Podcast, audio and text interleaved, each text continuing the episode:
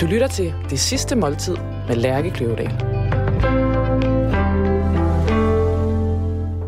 Tine Ja. Hø, forfatter Ja. til øh, blandt andet øh, Tour de Chambre. Mm. Øh, velkommen til dit sidste måltid. Jo, tak. Mange tak. Øh, det, er, øh, det er tirsdag formiddag. Klokken ja. er øh, en lille smule over 10. Ja. Og du sidder i den vildeste paljetkjole med rød læbstift, og foran os så står der øh, tequila shots. Ja.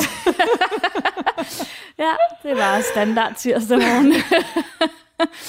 Og øh, altså, skal vi simpelthen starte med at drikke den tequila? Jamen, det synes jeg faktisk, vi skal. Det æder med vildt, og det er ja. simpelthen med salt og citron Jamen, og det er helt lige, lortet. som jeg gerne vil have det. Ej, Okay. hvor er det videre. Og øh, ja. altså, altså, altså, jeg føler mig lige pludselig utrolig øh, gammel, men jeg kan, altså, ja. Ja. altså, er det du simpelthen har, med... Øh, altså, ja, du har ligesom øh, tequilaen i din højre hånd, og så slikker du sådan her på mellem tommelfinger og pegefinger på venstre hånd. det gør jeg her. Mm. Ja.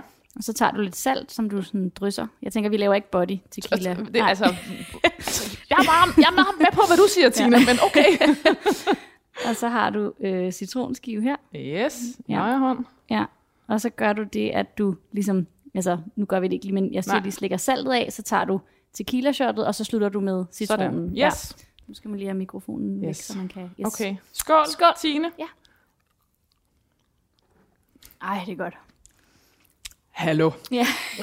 Wow. Mm. Jeg vil sige, det, øhm, jeg kan fornemme i hele mit system, at sidst jeg drak tequila, Mm. så var det en, på den her måde. Ja. Så var det en noget billigere variant. Ja. Den er, den er jo helt Ja, smooth. den er virkelig... Um, men det, der er så vildt, er, at jeg kan faktisk lide det, uanset, altså selvom det er sådan noget helt den der med den røde hat, du ved, det er den, jeg Ja, plejer ja, ja, at bare præcis. køre Ja, med. ja. Jamen, så synes jeg faktisk, det smager godt. Altså, det, det er Ja. ikke sådan noget, jeg tvinger mig til at gøre for effekten. Eller sådan. Jeg synes virkelig, det er lækkert. Ja. Men jeg kan godt smage det her. Det er jo sådan... Det er virkelig... Den har en anden øh, blødhed. Og, ja. Mm. Det var fa- Ej, altså, det den her godt. sætning havde jeg ikke troet, jeg skulle sige. Det var faktisk lækkert. Ja, Jamen, det synes jeg jo også, det er. Altså helt oprigtigt, jeg elsker det. Ja. Og, og du skrev ligesom i din, øh, i din bestilling, at det var ligesom et kys. Nej, jeg tror, jeg skrev, det var som en østers. Som en østers. Ja, måske også som et kys. Det Men kan også er der være. hvert De to fald- ting hænger måske Du også skrev lidt østers, det er mig, der sidder, og det, det er fordi, det, så har jeg allerede, jeg har lavet, allerede lavet associationer, Ja. fordi at den der østers for mig er sådan et havkys. Jamen, det er det også. Ja, Ja. ja. præcis. Det er sådan en, ja, det er meget livligt eller vitalt eller sådan for mig. Ja, og sådan helt rent også, ikke?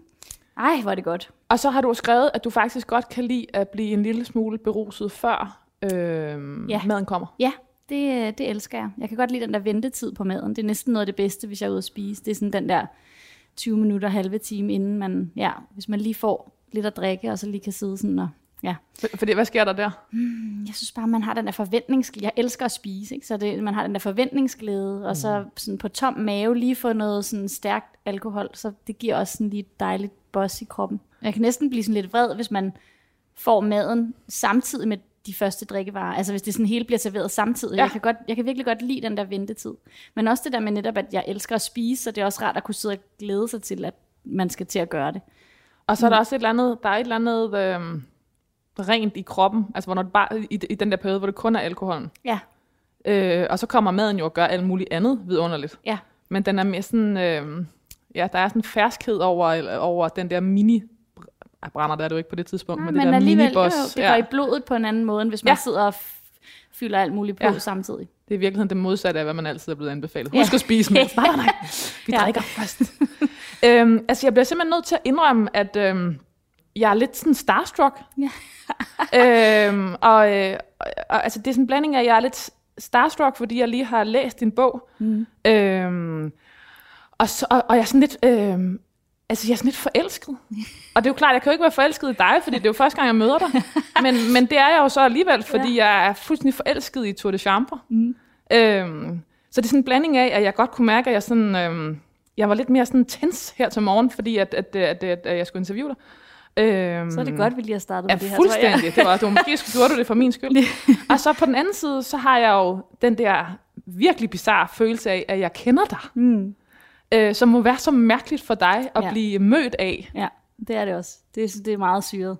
Og sådan er det jo, når man skal altså, tale med folk på den her måde, også hvis man møder læser. Eller sådan. Jeg oplever også tit det der med, at folk um- umotiveret kommer til at sige hej, Ja, og så bliver sådan helt pinlige, sådan, fordi ja, Men jeg kender det jo godt, sådan har jeg det jo også med altså forfattere, jeg kan lide, og skuespillere og sådan noget, at man også føler, at man har et eller andet, sådan, ja, man, en tilgang til dem, eller en indgang til dem, som, Ja, Ja. men, men det, det ved jeg godt, det der, men, men, det, men ja, det er bare fordi, jeg jo selv har følelsen af, at det var noget andet med Tour de Chambre, Ja. end jeg altså, det, er- det er jo ikke, fordi det sådan er en tynd bog, den er, Nej. jeg tror, den er 324 sider eller sådan noget, så det er jo ikke sådan en, man bare tænker, man, man, altså, det, det, det ligner jo ikke en, man bare læser med, med, med, med øjenvipperne, men, men, men så er den så, øhm, du har jo ligesom opfundet fundet din egen form, den er, den er, den er løst skrevet på siderne, eller hvad Ja. ja. det, den er, der er ikke, der er ikke, på nogle sider er der kun et ord, ja, Øhm, så jeg gik i gang med at læse den lørdag aften. Og sådan slugte den. ja, Og græd. Og, øh, og, øh, og jeg blev sådan nødt til sådan, altså, ja, den der forelskelsesfølelse, jeg blev nødt til sådan at erklære mig til verden bagefter. Ja. Jeg skrev ud på Facebook, det er noget af det vildeste, jeg nogensinde, eller på Instagram, det, ja. noget af det vildeste, jeg nogensinde har læst. Og, og så det var, øh, den der følelse, altså jeg var ligesom, jeg, jeg, jeg, var, jeg var inde i værket. Jeg ville Ja. ikke ud af det igen, jeg ville blive i det univers. Ja. Og skyndte mig at sige til min kæreste, du bliver nødt til at læse den, det er fantastisk. ja. Og så faldt jeg ligesom i søvn til, at han lå, fordi man bladrer over den bog meget hurtigt, Mm. fordi der på nogle af siderne ikke står så meget. Så jeg faldt Ja. i søvn til, at han lå, klik, klik, klik, klik, klik. og så vågnede jeg om morgenen til hans store øjne, hvor han lå og sagde, den er jo fantastisk!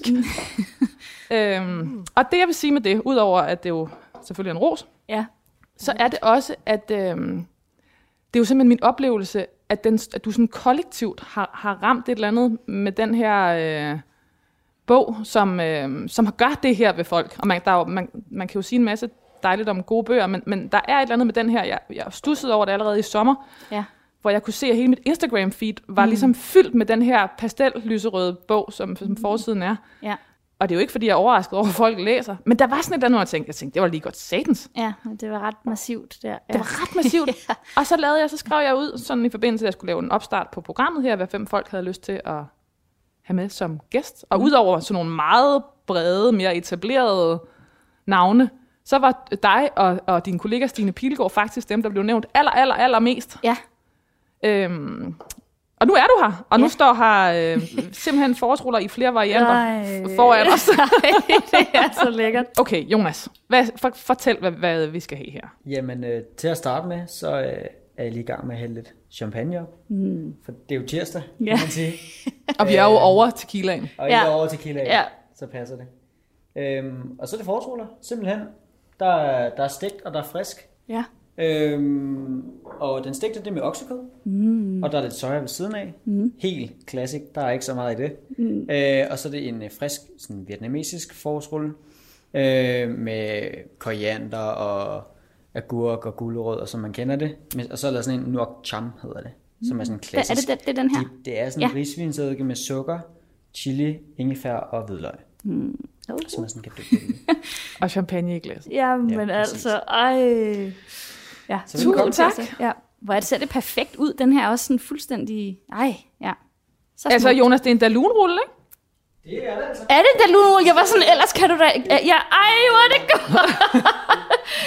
jeg tænkte også, ellers har du da virkelig imiteret den øh, til perfektion. Ej, Jamen, hvor er det, altså, yes, hvor er det godt. Det er, det er sådan nostalgi. Ja, det er fuldstændig. Jamen, bror, jeg elsker det. Ej, hvor er det. Så på den ene side en klassisk øh, dalunrolle Ej, ru- rulle yes. fra Frost. Ja. Jamen, ja, For det er og- det jo. Skal det være? frityre, Ja, ja, selvfølgelig, ja, klart. Ja, og så på den, ved siden af en, en, en frisk, øh, en- altså en, en hjemmelavet, kan man sige, mm. i, øh, i Lige det her særlige øh, rispapir, som jo bare altid, når jeg ligner et kondom, når man Jamen, det kigger er på jo det. Ikke? fuldstændig, ja, hvad det gør. Ja. Ja. Ej, det er Fedt. skønt. Men godt, velkommen. Tak, tak, tusind tak. Ej, hold kæft, det er en Dalun, hvor er det godt. Altså, du bliver nødt til at fortælle, hvorfor skal vi spise dalunforårsruller? Øhm, jamen, det er sådan lidt... Altså, det har jeg fået, da jeg var barn. Øhm, jeg, jeg fik sådan... Altså, det er sjovt. Nu er mine forældre virkelig sådan nogen, der eksperimenterer med mad og laver alt muligt, men, men sådan, i min opvækst var det... Altså, der var det sgu sådan noget... Der fik jeg også dalunforårsruller og knor lasagne og knor banæs og altså de der sådan helt... øh, Det var sådan 90'er tingene der, som, men som jeg virkelig godt kan lide, og som jeg stadig godt kan lide. Jeg synes også stadig knors lasagne smager godt, altså helt oprigtigt. Mm. Øhm, ja, og de der forårsruller har jeg bare et eller andet. Jeg kan stadig få sådan en craving efter dem. Jeg synes, det smager godt. Og jeg har, jeg har ingen... Øhm, jeg, jeg er ikke så madsnoppet, tror jeg generelt. Altså, der er nogle af de der ting, jeg fik dengang, som jeg godt ved nu, at sådan, man kunne få noget, der var meget bedre, men, men jeg kan sgu meget godt lide, sådan som det smager. Mm. Der er i det hele taget et eller andet, der går igen med, øhm, altså du, du, sådan, du gør en dyd ud af at stå ved. Mm. Altså, Der, øh, der er også noget med det her øh, coveret på Tour de Chambre, som er lyserødt og pastelfarvet, ja. Og, altså i øvrigt enormt smukt, men hvor du også ligesom har, jeg har læst, at du sådan har gjort det sådan, du er ikke bange for pop, har Nej, du sagt nej, øh, nogle ikke. gange. Ikke? Nej. Altså, der er sådan en, det, og, og som, din, som din bog måske også bærer præg af, at du er... Øh, du har en ekstremt usnoppet tilgang til, øh, de, til, til, sti, til stilarter. Altså Ja. til, øh, Ja. jeg vil lige, øh, jeg vil lige rise op for de øh, ganske få læsere, som måske ikke Ja. har læst bogen. Ja, hvad den, øh, hvad, jeg, jeg jeg læser simpelthen lige op, hvad der står øh, på, på bagsiden af bogen, fordi den, øh, der er selvfølgelig noget med den bog, som også er, er udgangspunktet. Mm. Øh, og der, der står, Asta modtager en invitation til øh, en mindehøjtidlighed for August. Det er 10 år siden, han døde. Dengang boede de på samme kollegium, og August var kæreste med Astas bedste veninde, Maj. Nu skriver Asta på en roman, men invitationen griber forstyrrende ind. Den får fortid og nutid til at flette sig ind i hinanden. Fester, længsler og vaklen vækkes til live sammen med det, Asta aldrig har kunne fortælle mig. Tour de Chambre er en roman om venskab, forelskelse og død, og om begæret efter at skrive og skabe. Et begær, der har sin egen vilje. Og jeg tror, på, jeg tror på en eller anden måde, jeg havde troet, at det var en øh, sådan underligt, altså sådan lidt svært tilgængelig bog. Ja. Altså, øh, der er Hvor- noget... Altså, Hvorfor, eller hvad tror du, der gjorde, at du... den kommer fra et, øh, nys, øh, et nystartet forlag, Gudkind, Mhm. mm. som, øh, altså, jeg tror, jeg havde tænkt, at, vi, at det var sådan noget, og nu skal jeg også se at få den læst. Mm. Altså sådan en, altså, at du ved, den der sådan lidt type pligtlæsning, man Ja. lidt, altså, øh, som man bliver enormt glad for, man har læst, mm. men også er sådan et, okay. Øh, og, og, og, og, jeg vil faktisk lige bruge et eksempel til det, fordi at øh, der var en af dine, i en af de artikler, der er skrevet om, der er der en, der beskriver, øh, Gudrun Marie Schmidt fra Politikken, beskriver øh, hele konstruktionen, sprogkonstruktionen. Ja.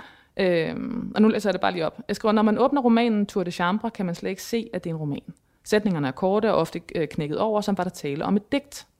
Der er mere luft på siderne, end der er ord. I romandigtet Tour de Chambre øhm, har Tine Høgh inviteret særligt udvalgte punktummer og kommaer indenfor, men de opfører sig ikke normalt. Tine Høgh satte sine tegn, som hun ville. Det virker jo sådan lidt, øh, jeg, jeg tror, jeg tænkte sådan, var det lidt konstrueret, var det lidt sådan noget, øh, mm, wow, skulle ja. jeg sådan øh, have mit, hele mit intellekt med, når jeg mm. læste? Og så var min oplevelse jo bare, at jeg mm. blev, jeg åd den, jeg ja. sådan fortærede den. Ja. det var meget usvært. Ja, men det er jeg sindssygt glad for. Det er jo også det, jeg gerne vil. Altså, det, det, det har været helt vildt komplekst at skabe den, men jeg, det, jeg gerne vil have, at oplevelsen skal være for dem, der læser den, er netop det, du beskriver. Altså som, som en en bevægelse, et sug, at det ligesom giver sig selv, at det er intuitivt, at det er ja, øhm, på en eller anden måde let tilgængeligt eller åbent for alle. Det har jeg egentlig lyst til.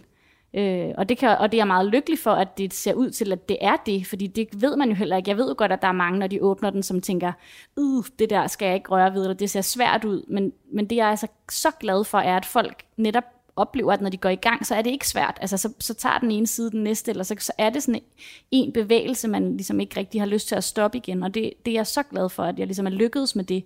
For jeg tror også, det er noget, der ligger mig meget på sinde, det der med, at jeg gerne vil skrive noget som, eller det gør mig glad at kunne skrive noget, som er på en eller anden måde øhm, kommunikerende eller åbent, øh, ja, og som, som rigtig mange kan, kan gå ind i. Men det er pisse svært at gøre det. Altså, det er jo det, der er sådan, altså, så jeg kan godt forstå, at når man læser det, og, og den, altså, det er jo sådan et system, jeg selv har lavet, men, men aldrig noget, jeg har besluttet mig for inden. Det var ikke sådan, uh, nu kunne det være sjovt at udvikle en ny øh, romanform, hvor jeg øh, gør sådan og sådan, og det vil være spændende. Altså, sådan har det ikke været. Det har været, det er ligesom, det er sådan, det er blevet, når jeg har skrevet, så, har det, så er det det, der har skulle til for at forløse den historie, jeg gerne vil øh, præsentere, eller den, jeg ligesom havde. Det var, det var sådan, det så skulle se ud. Men aldrig som en eller anden konstruktion eller form, jeg har lagt ned på fra starten. Det er ligesom sket undervejs, ikke? Øh. Ja, for det er ligesom den der lethed og glæde, eller, eller glæde er måske forkert sagt, fordi, men, men sådan, øh, det føles så... Jeg, kan slet ikke, jeg har slet ikke fantasi til, hvor svært det må have været at skrive noget, der føles så let. Mm-hmm. Nej, det er skidesvært, men det er virkelig også dejligt, at, at folk ved, at det er svært. Fordi det er jo det, man nogle gange godt kan, kan misforstå. Ikke? Altså, at det der, der virker let, at så tror man også, det er let. Men, men det, er det, det er det virkelig ikke. Men, men jeg synes, det er virkelig dejligt, at folk oplever det sådan. Hvordan er det mm, at få så meget succes? Jeg glemmer det heldigvis lidt, tror jeg. Mm. Øhm, så kan jeg lige blive mindet om det, hvis nogen siger det. Men, men jeg tror, jeg, nu, er det sådan, nu skal der ske noget nyt, det er jo også det. Så har jeg skrevet den bog, og det er, helt, det er virkelig dejligt, at det er gået sådan, som det er. Men så er man jo også på vej videre, eller så skal der mm. ja, foregå alt muligt andet. Øhm, og så kan jeg nogle gange helt blive mindet om det der, gud ja. Jeg sad lige og kiggede på sådan nogle, et par sådan videoklip, jeg optog i dagene inden udgivelsen. Øhm, hvor jeg, det var sjovt at se det, hvor der vidste jeg ikke, at det ville komme til at gå så godt, eller sådan det, det der med, gud ja, mm. og det er gået så godt, altså, ja, men så glemmer man det lidt igen. Det er jo sådan en meget intens fase, den der udgivelse, så uh, sker der alt muligt, og man kan slet ikke følge med, og så...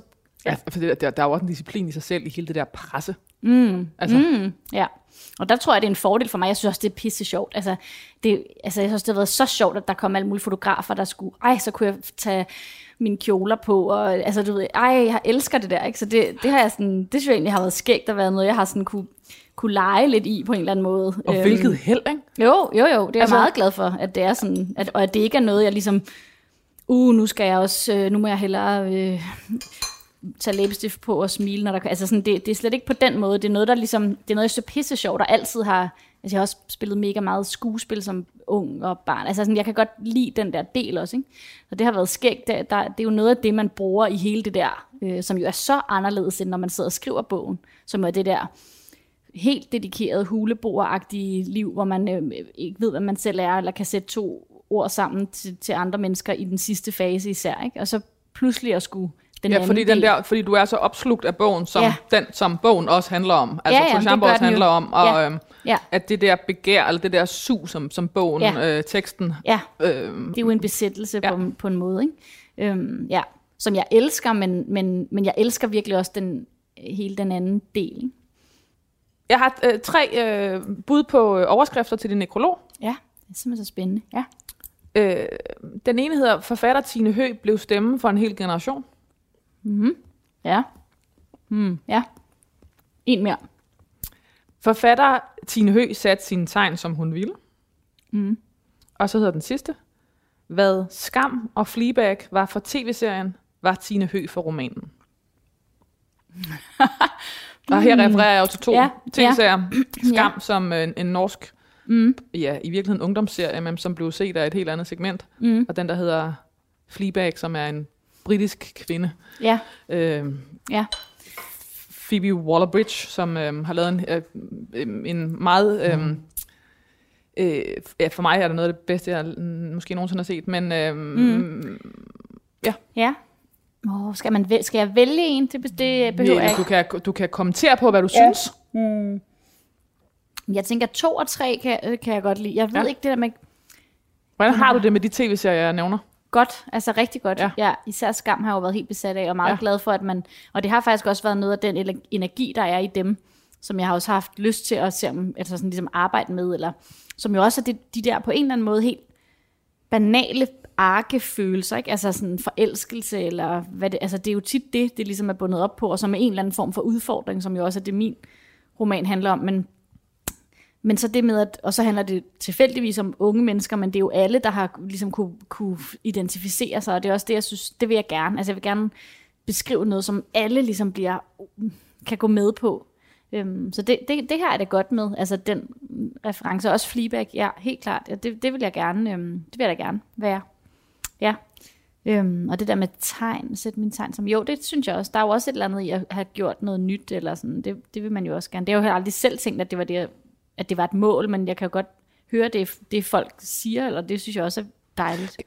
Kalder I den roman? Det, det roman? Ja, vi kalder den ja. faktisk roman. Øh, Nye Rejsen er jo skrevet lidt på samme måde, sådan lidt enklere, men alligevel noget af det samme. Den gav vi faktisk ingen genre. Vi var også overvejet os, hvad vi skulle gøre med Tour de Chambre, men og når øhm, du siger vi, så er det dig, din redaktør, min redaktør på? Ja, der har, ja. havde jeg brug for at spare med nogen ja. omkring det. Øhm, ja, der snakkede vi om det. Men det, det er jo en roman, det er jo et romanforløb, det er jo et narrativ, som er sådan ret stærkt, og så, så det skulle den ligesom hedde. Mm. Ja. Jeg starter simpelthen med at skrive. Nu har vi været igennem overskrifterne. Ja. Og så går vi jo simpelthen bare på, Tine Høgh blev født i 1985 og voksede op i Albertslund. Hendes mor var bibliotekar, mm. og en stor del af barndommen tilbragte Tine Høgh på det lokale bibliotek, hvor moren arbejdede, mens Tine læste. Mm-hmm. Faren arbejdede på opfinderkontoret på Teknologisk Institut, hvor han rådgav mennesker, der gik rundt med idéer til opfindelser og nyskabelser i maven. Ja. øhm, det der jo er ved, det, med den her, ved det her program, det er jo, at jeg, øhm, at jeg finder, øh, jeg, jeg, jeg læser, hvad der er skrevet om dig øh, Ja. med art- artikler, og, øhm, og så sammensætter jeg din, ne- din nekrolog ud Ja. fra det. Det er, sgu lidt, det er sådan lidt mærkeligt at høre, faktisk. Eller så det er lidt sådan... Ja. Er der også altid noget med at få sig selv fortalt i ja, datid? ja, ja, det er sgu underligt. Ja, men også spændende. Øhm, og det, der jo selvfølgelig er meget øh, øh, karakteristisk, når jeg søger på dig, det er, øh, der er faktisk ikke specielt meget data. Eller det data, der så er, er så meget i den her sådan øh, Ja. øh, CV-lignende. Ja. Øh, øh, øh, fordi at alt, hvad der er skrevet om, der handler jo om din bog. Ja.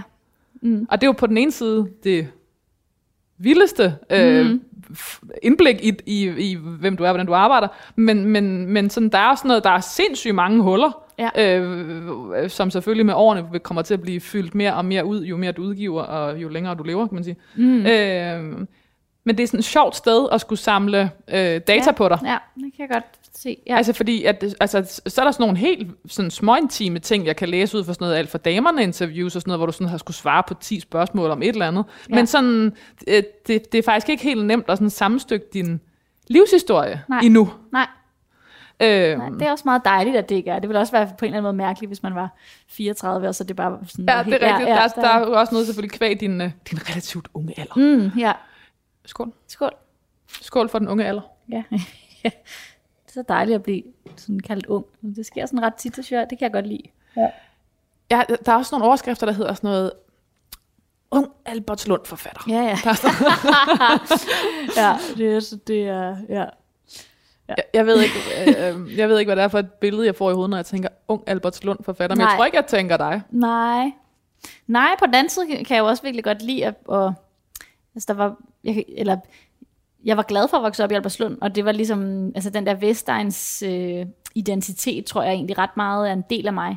Og det er jo ikke noget, jeg snakker så tit om. Øhm, og nogle gange kan det også blive, når man bliver, eller sådan forfatterinterviews og sådan, så kan jeg også nogle gange føle, at jeg læser om en, som er langt mere sofistikeret, end jeg egentlig føler, at jeg selv er. Det, det er måske i min skrift, men, men der er så meget, der går en anden retning, eller sådan, jeg har så meget af sådan noget, hvis der er en Brøndby-fan, kører på knaller i stisystemet-agtigt i mig også, som sådan ikke som ikke er det, jeg taler sådan, så meget om, ikke? Men som, så, så det gør egentlig ikke noget, eller Albertslund forfatter, men altså, hvad fanden, det ved jeg heller ikke, hvad det betyder.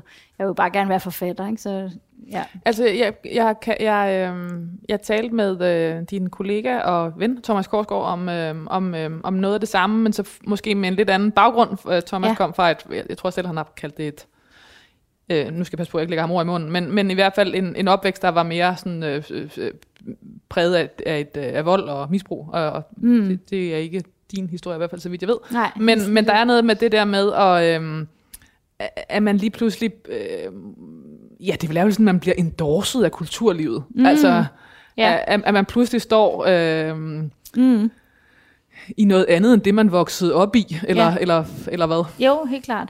Men der synes jeg også, det er sådan, der er det også vigtigt for mig, at det, eller jeg kan, har stadig kæmpe kærlighed til alle de ting, og kan også nogle gange se, altså det, der er jo også sådan en scene, hvor i, i romanen, som jo også er sådan noget, jeg, hvor de er men, men sådan en digtoplæsning, hvor Asta har sin veninde Maj med, og hvor, jeg, hvor det også har været så sjovt at få lov at, og mig er meget mere øh, umiddelbar, og ikke sådan, og der er også sådan, kommer også måske, eller de kommer ikke fra et eller andet højkulturelt øh, miljø overhovedet, og det der med også at kunne kunne ligesom spide eller punktere noget af det der, åh, som nogle gange kan være i de der, det der, åh, jeg en digtoplæsningsseance, det kan sgu også være. Nogle gange kan jeg også se det med de briller på, altså sådan med det, det jeg kommer fra, eller det som, sådan, der er også noget i det, som det opstyltet, tror jeg, jeg altid har det, eller det selvhøjtidlige har jeg altid haft det sådan lidt svært med, ikke? Har, eller får lyst til at gøre noget andet, eller punktere det på en eller anden måde. Ikke?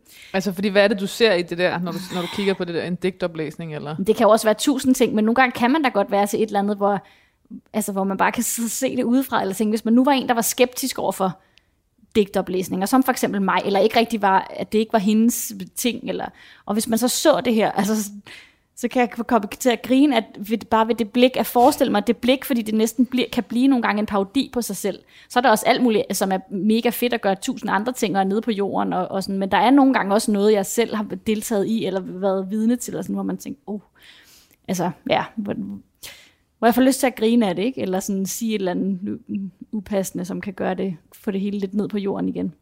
Og det, er, altså, det er jo i virkeligheden også det, romanen kan, eller Tulle Chamber kan, at, at, at den er jo virkelig morsom. Mm. Altså, den er jo virkelig morsom.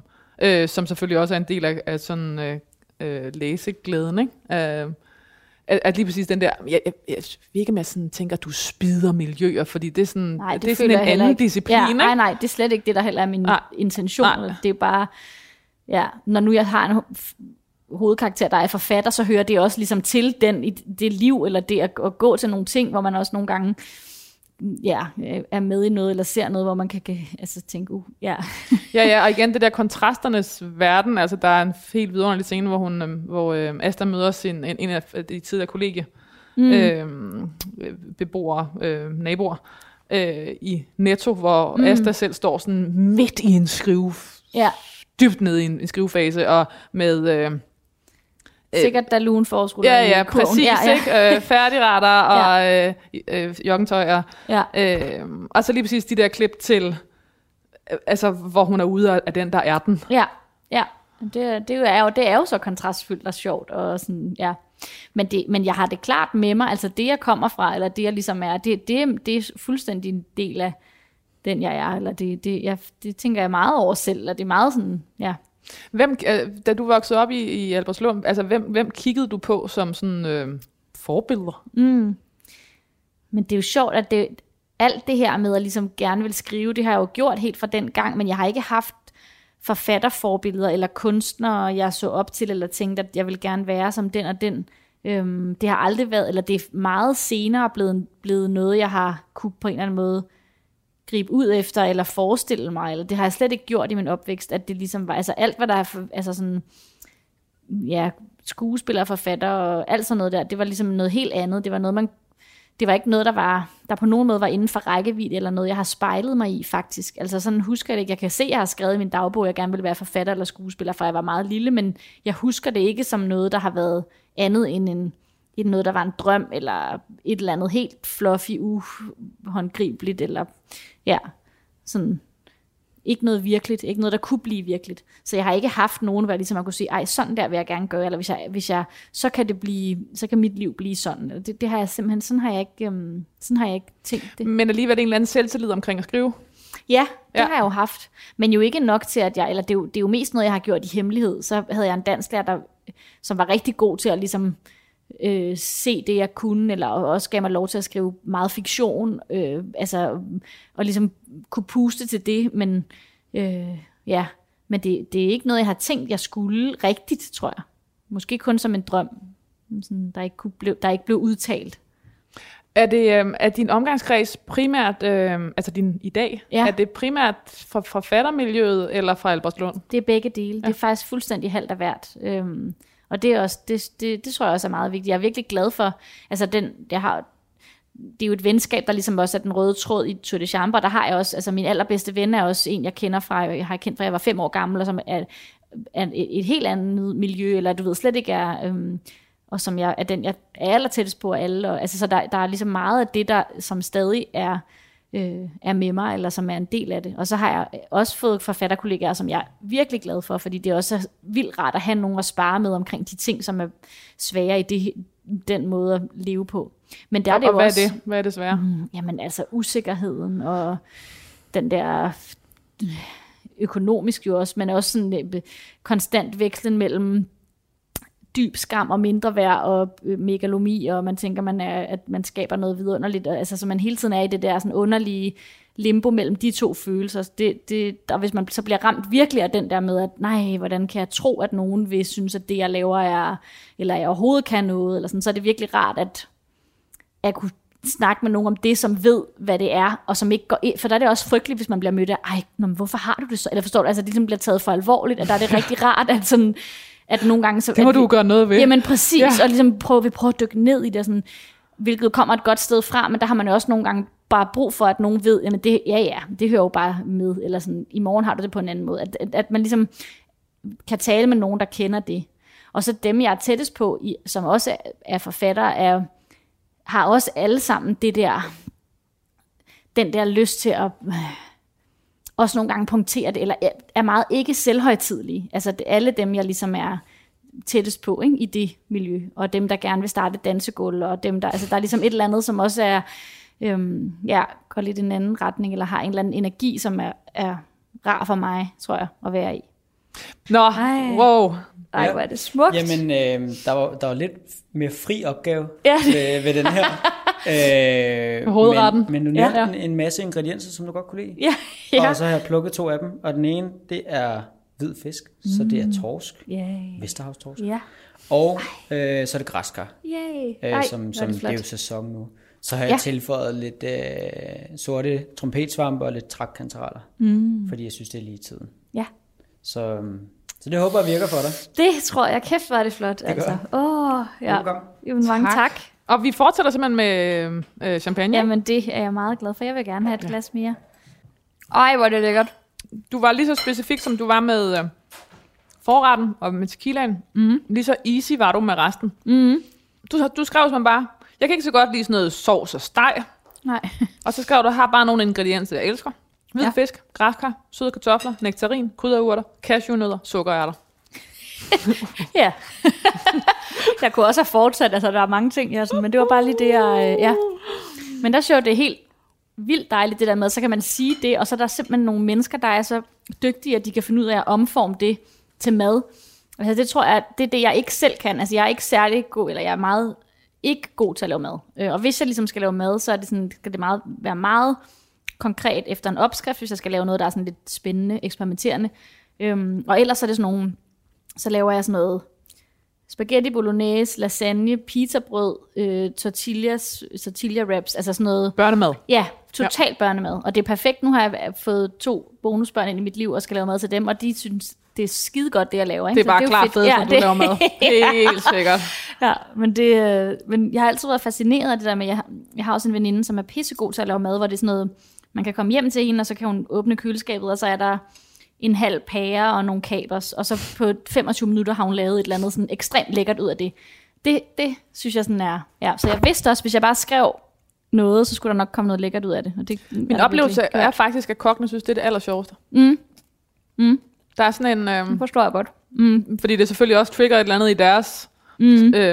sk- skaben, ikke? Jo, det kan jeg helt sætte mig ind i. Det er jo ligesom at få en bestillingsopgave på skrift, eller sådan. Ja. Det kan også være, det kan være meget rart med en eller anden form for benspænd, at man bliver bedt om noget, men der skal også være noget frihed i det, ellers bliver det simpelthen øh, kedeligt. Og Er, er du rimelig sådan steady skriver, når du er i gang? Nej, nej. Overhovedet ikke. Altså, jeg har slet ikke det der... Og det prøver jeg at oparbejde nu, fordi jeg også sådan, nu øh, er jeg flyttet sammen med min kæreste og hans børn, og prøver ligesom at indgå i sådan et mere familieliv. Og, så min drøm er jo, at det der med, at jeg kan sætte mig og skrive i mens andre er på arbejde, og så kan jeg lave noget andet bagefter. Men det er helt nyt for mig. Jeg, det har aldrig været sådan. Og nogle gange, jeg må også sige, nogle gange ved jeg simpelthen ikke, øh, hvornår det er, jeg har skrevet øh, mine bøger. Altså, jeg, jeg, jeg, jeg ved det ikke. Jeg kan ikke, jeg kan ikke, altså, jeg kan ikke rigtig huske det, hvornår det er sket. Jeg kan huske de sidste måneder, hvor jeg arbejder sådan ekstremt disciplineret i 15 timer i døgnet og ikke laver andet, men det er sådan to måneder, jeg kan huske, at jeg gør det. Alt, hvad der ligesom ligger, alt det arbejde, der er med at skabe fortællingen og få det hele v- til at vælte frem og sådan noget. Jeg ved jo, det tager to år cirka, men, men jeg, kan, jeg kan ikke rigtig se for mig, at hvornår det er, at det præcis er sket. Det er slet ikke sådan noget øh, seks timer i dag om dagen, eller nogle dage, men... men ja, altså, men, det, synes jeg, det synes jeg er noget af det, der er, eller også har jeg bare kigget de forkerte steder, der er mindst belyst i, i, i øh, kreative processer, og måske især i skriveprocessen. Ja. Det er det der med, at at skrive handler mindst lige så meget om ikke at skrive. Ja, Altså, øh, og, og, og, Mm. altså, og det er jo lige præcis den der hvad tid, man Ja. ikke kan, du siger, altså du kan ikke engang huske den. Nej. Altså, det er sådan, jeg kan simpelthen ikke huske det. Jeg ved ikke, hvornår det er, jeg har gjort det. og der er også noget med sådan, øh, øh, sådan noget, jeg ved ikke om, jeg tror, at måske de fleste af os har sådan en fornemmelse at jeg gerne vil sådan, i hvert fald næsten hver dag stå op og Ja, få gjort noget, eller Ja, ja, vi nu ellers er opdraget. Ja. Ikke? Men sådan, det der sådan, hvad har du lavet i dag? ja, ja, ja. er man ikke helt... Øhm, og der kan, jeg være, der kan jeg til gengæld være utrolig god til at, at øh, gøre konkrete ting. Og også fordi det på en eller anden måde, så føler jeg, at jeg har udrettet noget. Altså sådan, og det, der er det så rigtig dejligt nu at være flyttet ind med nogle andre mennesker, fordi så kan jeg sådan, ej, så har jeg jo vasket tøj, eller. Ja. jeg har, altså du ved, sådan noget konkrete opgaver, som også giver en eller anden form for følelse af, at man har præsteret noget, eller gjort noget, der kan ses. Fordi at der er så meget af det med at skabe, som er, som også er oppe i mit hoved, og det er jo det, så kan jeg så have skrevet måske tre linjer på min telefon som en note, men det betyder jo på en eller anden måde ikke, at jeg ikke har arbejdet. Øhm, men der skal man jo også kunne hvile i det, for der tror jeg, det kan være meget nemt at føle en frustration over, at man ikke kan se, hvad det er, man gør, eller hvad det er, der ligesom er sket. Jeg prøver, når jeg går i gang med noget, når jeg går i gang, og det har jeg også tænkt, når jeg går i gang med det næste, at så vil jeg gerne skrive noget hver dag. Det er, det er ligesom også et dogme, jeg har. Det vil mm. jeg gerne gøre. Det har jeg også gjort i perioder før, men, men virkelig ikke som sådan noget, hvor jeg sidder foran min computer i. Altså slet ikke. Og jeg bliver nemt distraheret, og så gør jeg lige det og det, og tusind ting på en gang. Og, ja. så, men det er et mysterium for mig stadig, det der med, hvad skabelse er. Jeg synes, det er mega spændende. Hvad gør det ved dig nu, at du har nogle mere sådan uh, konkrete rammer med en kæreste, som du bor sammen med, og hans to børn? Og... Mm. Men det er jo det, jeg er ved at finde ud af. Det er jo ikke så længe, vi har boet sammen, så jeg skal også sådan, det, er, det er noget, vi tumler rundt i lige nu, mm. og begge to skal finde ud af, hvordan fanden vi får... Nu har jeg fået indrettet et arbejdsvalg, som jeg synes er dejligt at være på, og sådan. Men det skal jeg også lige... Jeg skal, det skal jeg simpelthen finde ud af. Jeg ved ikke, hvordan det bliver øhm, at være i det der, hvor... Også fordi jeg har skrevet meget på, altså det er som om, jeg arbejder på en måde bedst, når jeg ikke føler, jeg arbejder. Og det er jo det, altså i hem, sådan hemmelige tider, nu har jeg lige, ham, så har jeg lige, og nogle gange kan jeg også mærke, så for eksempel, hvis jeg har en helt skrivedag, så får jeg intet lavet, og så kan jeg have en dag, hvor jeg, det kunne for eksempel være i dag, hvor jeg skal et eller andet klokken 10, og så kan jeg nærmest få lavet utrolig meget på øh, en halv time fra 8 til 8.30, hvor at de andre lige er taget ud af døren, og så kan jeg lige nå det, inden jeg skal. Så kan jeg pludselig få lavet noget der, fordi jeg føler, at jeg skal udnytte tiden. Eller... Og det er jo også altid det, man får man fucking står med, med, med nattøj på. Og i. Ja, ja. fordi ja. så var ja. der lige den tid, man kunne Netop, nå. og så kunne man sådan ja. gribe fat ja. om det. Og, ja. Så det er jo også det, jeg lidt håber i det store billede, at det med, at, jeg, at der er, bliver flere rammer og ting, jeg skal, at så, den, så må man også udnytte den tid, man ligesom har til at... Er det både sådan en forelskelse i rammen og et had til rammen? Ja, det tror jeg meget. Begge dele, ja. Og jeg vil også ønske, nogle gange, kan, nogle gange tænker jeg også, hvorfor fanden er det, man gerne vil det her? Altså, hvad, der, jeg kan ikke rigtig sige, hvilket, der er intet tidspunkt i forfatterlivet, som er sådan 100% lykkeligt. Altså, det er der faktisk, eller måske er der, det er måske 2% af min arbejdstilværelse, hvor jeg føler sådan en, altså en uforbeholden glæde. Der, så er der så meget tvivl, og så meget slid, og så meget, at jeg ikke ved, hvad det, jeg laver er, og at jeg ikke, altså, øh, er sur på mig selv over, at jeg ikke får gjort nok, og skam over det. Altså, du ved, det, det er sådan, det er sgu ikke sådan, fordi at der er særlig meget, en særlig stor, eller kontinu- kontinuerlig følelse af tilfredsstillelse, eller sådan, det er der faktisk ikke.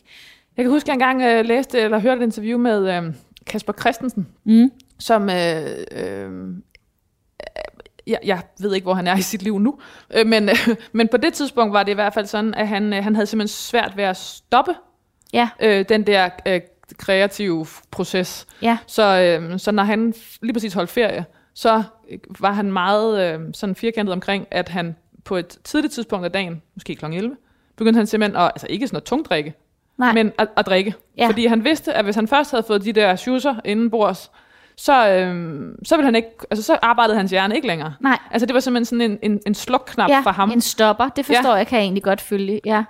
At det, det, var sådan, det var sådan en, mm, øhm, øh, ja.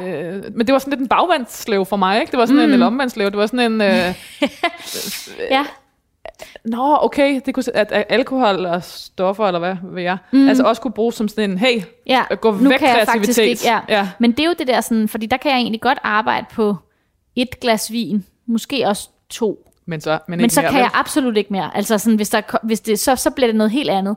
Men, der, men på en måde, jeg kan også have, jeg skulle lige give sådan nogle, øh, her for nylig sådan nogle 10 gode råd til sådan et, et, et dameblad, hvor jeg sådan 10 livsråd, og hvor et af mine råd også var, øh, at, at man skal drikke i sit eget selskab. Og det, det, er, det er noget, jeg faktisk sådan gør, eller som jeg gerne vil prioritere, ligesom at gå til massage, eller hvad fanden ved jeg. Altså, at det, nogle gange har jeg faktisk brug for det, at det er det, jeg gør. Jeg er alene, og det, jeg skal, er bare, jeg skal bare drikke. Altså, øhm, og det er på en måde... Altså, drikke dig fuld? Ja, ja.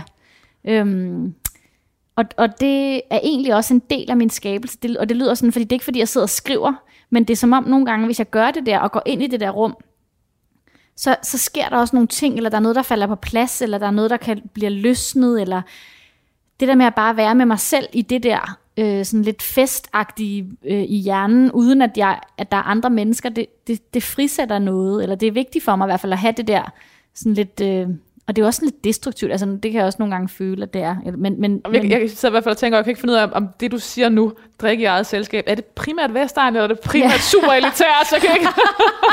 Måske en kombi, jeg ved det ikke. ja, Øh, det er et godt livsråd. Altså, Ja. man lærer, øh, Ja.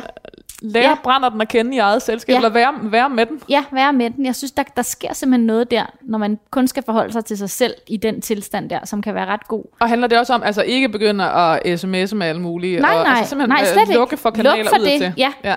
Være alene. Jeg kan huske, altså sidste gang jeg gjorde det, var aftenen inden, at min, der var jeg, jeg havde flyttet mine ting op i vores nye fælles lejlighed, og min kæreste skulle flytte ind dagen efter, så det var ligesom første aften for mig i vores nye hjem, og sidste aften i mit liv alene, hvis man kan sige det sådan. Og der, der, var, der, der, der havde jeg sådan en aften, ikke? Og, og det, var, det var fandme dejligt, og det, det skal man altså gøre. Og så danser jeg også tit, ikke? det kan jeg godt lide, det gør jeg meget alene. Det behøver jeg heller ikke være fuld for overhovedet, det kan jeg sagtens gøre bare sådan midt på dagen. Det er jo en ret vild, øh, sådan, øh, øh, et ret vild sådan termometer på, hvordan, hvor man har det i t- tilværelsen, ikke? Det der med at drikke alene. Mm, Fordi det er jo også der, man kan blive sørgelig. Fuldstændig, og, ja, ja, og, ja. Altså, det, det er sådan en indikator på, hey, okay, er, er jeg et godt sted? Er, Ja, ja, er det dejligt helt klart. at være alene i min... ja, øh, ja. ja, netop. Ja, for ellers kan det jo også netop blive helt det andet. Altså, hvis, men hvis det er et aktivt tilvalg, eller noget, man ligesom en aktivitet, eller sådan, som man kan laver vælge. du? Jeg, jeg, jeg, jeg går til druk. ja, det. ja, men lidt på den måde, så tror jeg sgu, det kan noget, ikke? Altså, øh, ja, men det har du ret i. Det, det kan også gå den anden vej, ikke? Det, ja.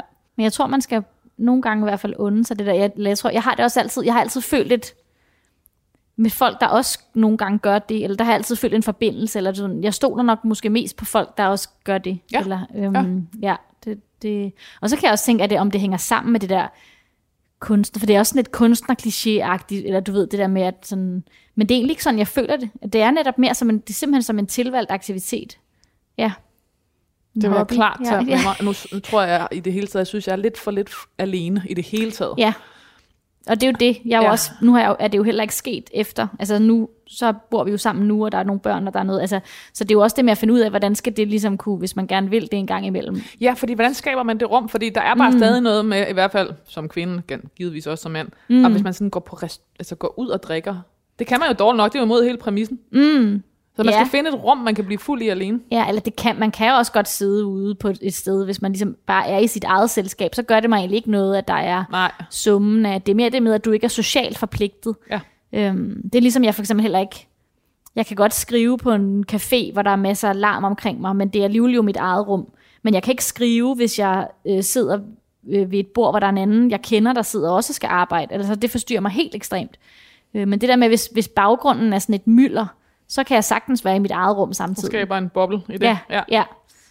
Okay, Tine. Nu Ja. skal, nu, øh, nu, vi- nu skal vi videre. ja. øhm, Tine Høgh var uddannet kant med i dansk og filosofi og debuterede med romanen Nye Rejsen i 2017.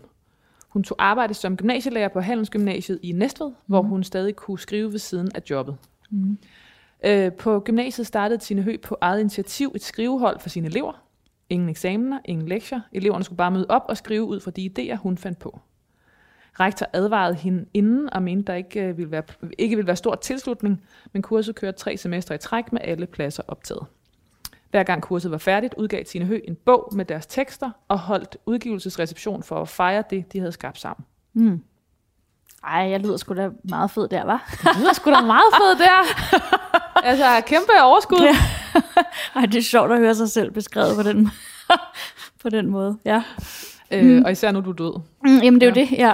Øh, Jeg tror, jeg har taget den her del med, fordi at, øh, jeg tænker, du jo ikke har, du ikke har gået på forfatterskolen. Nej. Altså, du har, øh, jeg gætter på, at den her måde at skrive, øh, og, og fået andre til at skrive, er en måde, du Ja. øh, har lært dig selv. Ja, altså det der med at få sådan et fællesskab med andre, der skriver, har været meget afgørende, tror jeg, for at det lykkedes for mig at blive forfatter, fordi jeg jo netop har haft, og det, men det er også rigtig taknemmelig for, at jeg har haft et, en helt anden tilværelse, altså det der med at være gymnasielærer, have et fast job, og have, altså det, det var absolut ikke det, jeg skulle, og der var alle mulige ting ved det, jeg synes, der var svære og forfærdelige, men også noget, der var godt, men jeg er glad for den erfaring.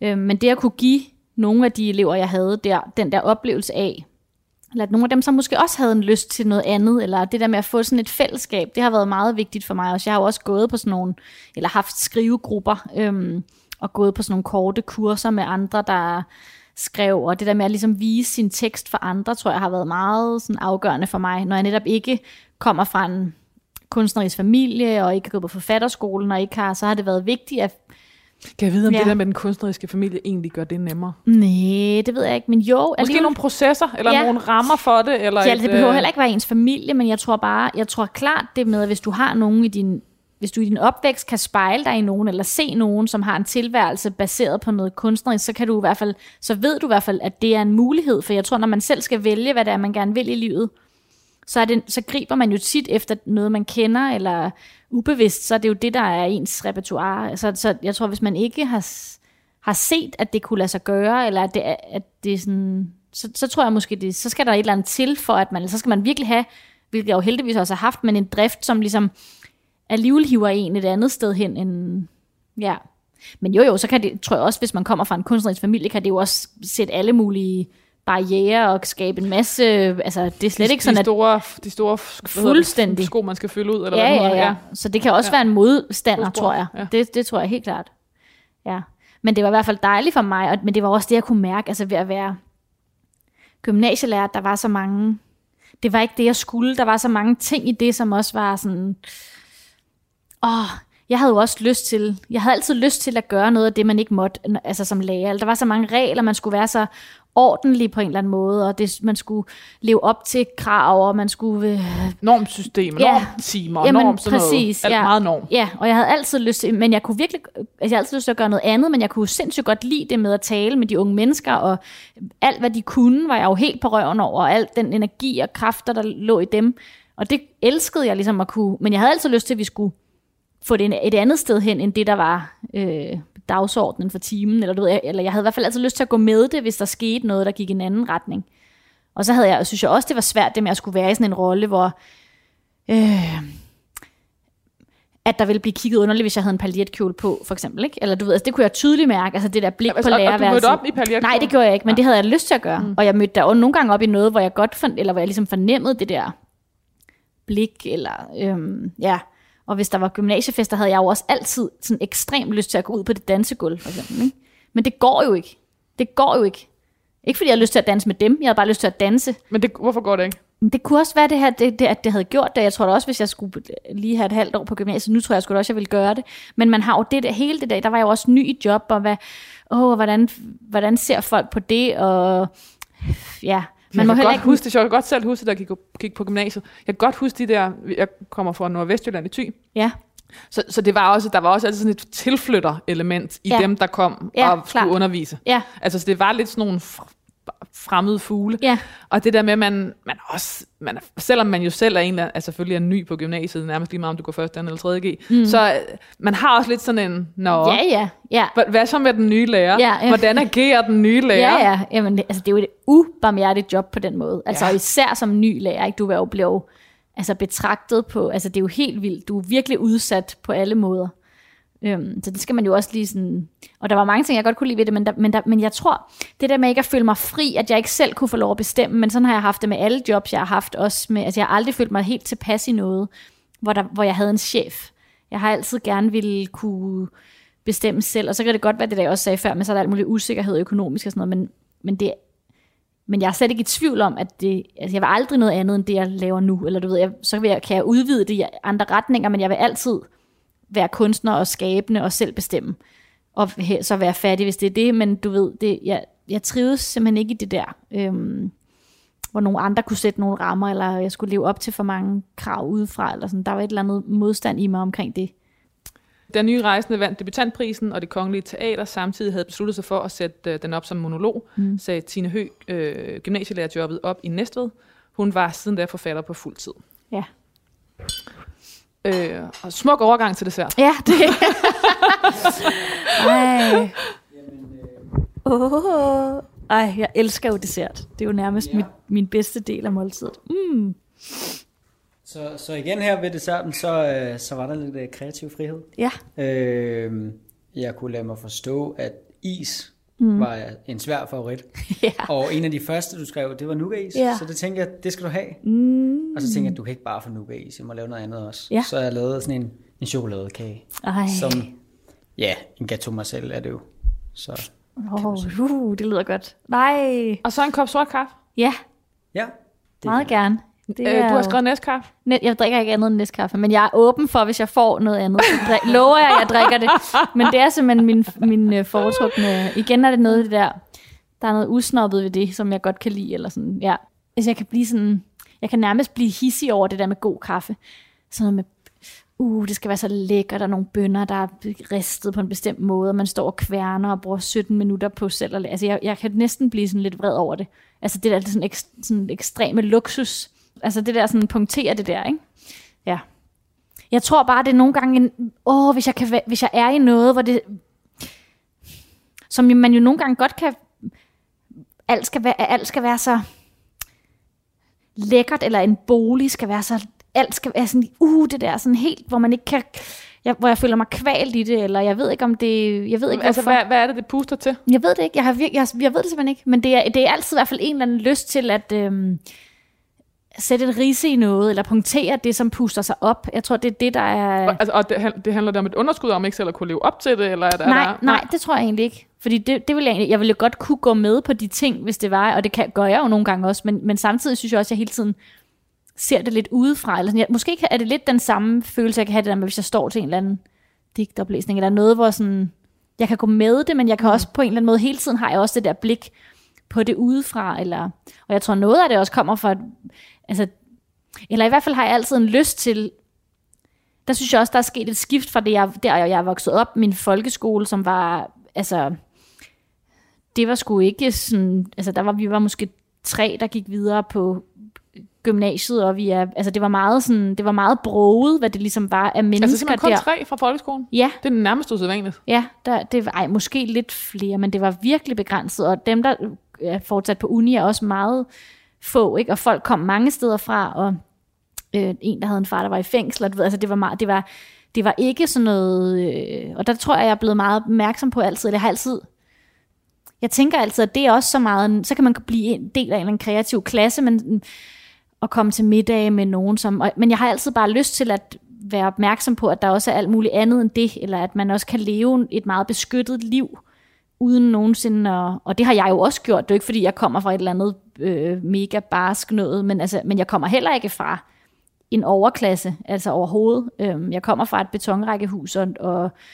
øh, ja, altså, så, så det, jeg tror bare, jeg har altid lidt, jeg, jeg har altid sådan et udefra blik også på det nogle gange, når jeg deltager i noget, som er sådan, ja, repræsenterer noget sådan overklasseagtigt, som jeg også synes mad jo godt kan gøre, eller som Helt jo er sådan vildt. et, øh, Ja. ja. Men det er jo også det, som, eller det er rigtigt, hvad du siger det der med, at, at, at jeg har jo også den med mit, med, for mig med sprog, eller sådan, der er det jo også detaljerne og omhuen, og, som er sådan sindssygt vigtige. Men samtidig har jeg jo også lyst til, at alle skal kunne forstå det. Eller sådan, jeg har jo ikke lyst til, at det skal være for eliten, eller jeg har jo lyst til, at det skal henvende sig så bredt som overhovedet muligt, og alle skal kunne få glæde af det, eller forstå det, eller se sig selv i det, eller hvad ved jeg. Øhm, ja. I 2020 udgav Tine Høgh digtromanen På det chambre, der med sine løs skrevne, men dybt fortættede sider, var hurtigt læst, men sent glemt. Romanen blev hyldet af, vel har jeg skrevet, spørgsmålstegn, samtlige litteraturanmeldere, men ramte nok så vigtigt en hel generation fuldstændig rent. Den samme generation, der nu har mistet en af sine største forfattere. Mm. Tine Høgh efterlader sig sin kæreste Mads og hans to børn. Æret være hendes minde. Nej, det er helt frygteligt. Ej, uh, ja. Altså, t- cheers to the drinks to that, eller hvad hedder det? Det er jo et morbidt koncept, ikke, på en eller anden måde. Ja. Men jeg har altid, og det er sjovt, altså jeg har altid sådan en øhm, bevidsthed om det der med døden, eller sådan, at det, det kunne jo godt ske. Eller sådan, det, det, er, det er ikke noget, der ikke er præsent for mig, eller det er ikke noget, jeg ikke, og jeg tror også, det, det farver på en måde meget den måde, jeg lever på. Både det med at være gået, så det med, at jeg gerne vil være forfatter, men også hver dag med at få lyst, have lyst til at, jeg vil så gerne gøre det tungt og vigtigt hver dag. Eller sådan, jeg, jeg, det, det er, altså, som var det din sidste? Ja, Ja. Jamen, altså selvom det er så sådan noget, men, men du ved, det, det, sådan har jeg det faktisk. Og jeg tænker altid tiden ind i, i alting, eller jeg har altid sådan en bevidsthed om tiden, der er gået, og tiden, der kommer, og ser også, altså hvad kan man sige, mange år oven på hinanden frem i tiden. Altså, jeg, som om jeg, jeg synes, jeg altid har den der tidslighed som en del af, og også jeg er bevidstheden om, at det jo egentlig kan bare være slut, ikke? Lige pludselig. Hvad skal der stå på din gravsten? Mm, jeg ved ikke, om jeg skal have en gravsten, faktisk. Det, det, er, det er jeg i tvivl om. Nu snakkede jeg lige med min mor her i forgårs. De skal beslutte, om de vil holde fast i hendes forældres. De har sådan en fælles, øh, hende og hendes søskende, øh, om de vil blive ved med at betale til, det, til den sten der. Og hun ligesom spurgte mig. Og jeg kan jo mærke, at jeg kan egentlig godt lide, at der er det sted, at jeg kan gå hen og ligesom stå, og så og når jeg er der, så tænker jeg på dem på en anden måde, og ser deres navne og årstal. Jeg synes, der er noget meget sådan håndgribeligt ved det, som jeg godt kan lide. Men der tror jeg også, jeg meget, tænker egentlig meget, med, hvis jeg skal tænke på det med mig selv, at der, der tror jeg, jeg vil lade det være helt op til dem, der skal... Ja, men min umiddelbare lyst er, at, at det skal jeg ikke have, fordi jeg synes, det er, sådan, det er det underligt at, at binde mig til den sten, eller at sådan, mm. skulle man så kun kunne tænke på mig, når man stod der, eller der er et eller andet begrænsende i det, synes jeg. Øhm, så jeg ville egentlig hellere, at der, at der ikke var nogen, øh, og så ville jeg hellere, jeg ved sgu ikke, hvad folk så skulle gøre, men, ja, men, men egentlig tænker jeg, at jeg ikke skal have... Men hvad må gerne, kan, kan jeg så spørge om, hvad må gerne stå tilbage? Ja, som noget, der ligesom, noget, der også i hvert fald peger fremad, altså noget, der også er lidt festligt. Ej, det, Ej, det lyder også, men, men, men jeg kan godt lide det der med, at der, at der ligesom også er noget, der ja, peger, den, peger den anden vej. Jeg vil også have lyst til, at man skulle have farver og paletter på og sådan noget, tror jeg. Altså, øhm, hvis det var, at jeg skulle op og sæbebobler og ballon. Ej, hvad ved jeg. Men at i hvert fald, at der var et eller andet sådan en fejring af det liv, man har haft, eller, øhm, men selvfølgelig uden, at det, er, at det skal være sådan noget fjollet for sjov noget. Der må også gerne være den der tyngde eller alvor i det. Øh, men noget, der også peger fremad i samtidig, tror jeg. Selvom det er også frygteligt at sige omkring sig selv, fordi, eller sådan, øh, man, har jo, man synes jo også, det er skrækkeligt, at nogen kan bare fortsætte livet, når man ikke er her mere, men det skal jo for fanden være sådan. Øhm, ja. Tine Høgh, uh, tusind tak, fordi du ville være min gæst i det sidste måltid. ja, men det var en stor fornøjelse.